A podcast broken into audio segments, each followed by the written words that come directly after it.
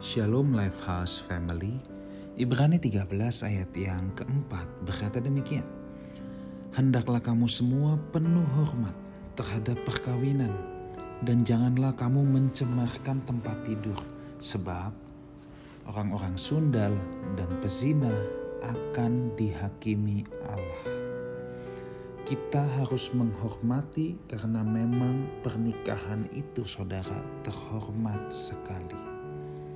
Di sini yang dikatakan penuh hormat itu timios, honorable, precious, valuable. Kita menganggap ini sesuatu yang sangat berharga.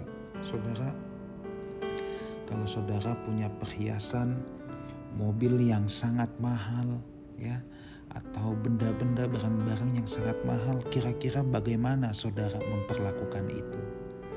Pasti saudara memperlakukannya dengan baik dirawat, di-maintain dengan baik, saudara. Tetapi sayangnya ada banyak orang sekalipun Kristen, mereka tidak menaruh hormat terhadap perkawinan. Mobil bisa dirawat dengan baik, tetapi hubungan rumah tangga, hubungan suami istri tidak dirawat dengan. Di sini Alkitab berkata, kamu harus penuh hormat harus menganggap ini precious. Saudara, tidak ada harta benda apa pun di dunia ini yang lebih berharga daripada pernikahan. Itulah sebabnya sangat disayangkan kalau ada orang menikah hanya karena harta. Menikah hanya karena sesuatu. Sebab sejatinya nilai dari pernikahan itu sendiri lebih berharga dari apa pun. Sebab dari pernikahanlah kita akan melahirkan keturunan-keturunan ilahi, penerus-penerus pewaris-pewaris kerajaan Allah.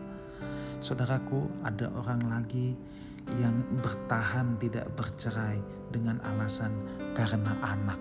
Ini juga tidak tepat, saudara ya. Kita tidak bercerai karena memang dua telah menjadi satu. Aku bukan aku lagi tetapi aku dan pasangan telah menjadi satu. Kita mempertahankan rumah tangga bukan karena anak saudara ya. Tetapi ini masalah apakah kita menghormati perkawinan yang juga dihormati oleh Tuhan atau tidak. Pernikahan adalah sesuatu yang terhormat. Jangan sampai kita melakukan hal-hal yang tidak menghormati pernikahan itu sendiri. Alkitab berkata, orang yang mencemarkan tempat tidur, orang zundal, penjina dihakimi oleh Allah. Mungkin saudara bilang, tapi pastor saya sudah jatuh dalam dosa. Oke, bertobatlah, tidak ada cara lain. Dan mulai detik ini, hormatilah pernikahan.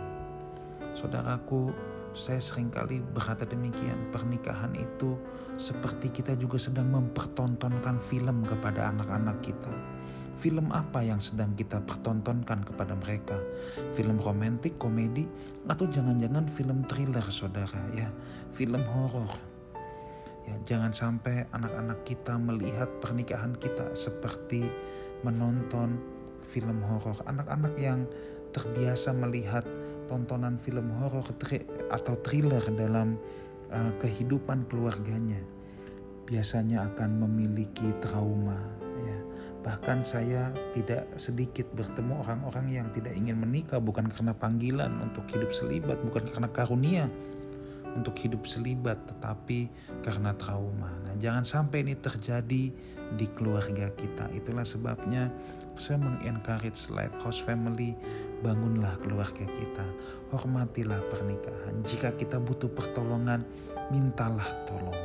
Ya, mintalah tolong malu bertanya sesat di jalan. Tidak mau bertanya sama sekali karena malu lama-lama jadi malu-maluin. Itulah sebabnya saya berdoa Lifehouse Family. Kenapa family? Sebab saya rindu setiap anggota Lifehouse harus memiliki keluarga yang kuat dan diberkati Tuhan. Tuhan Yesus menyertai kita semua. Haleluya.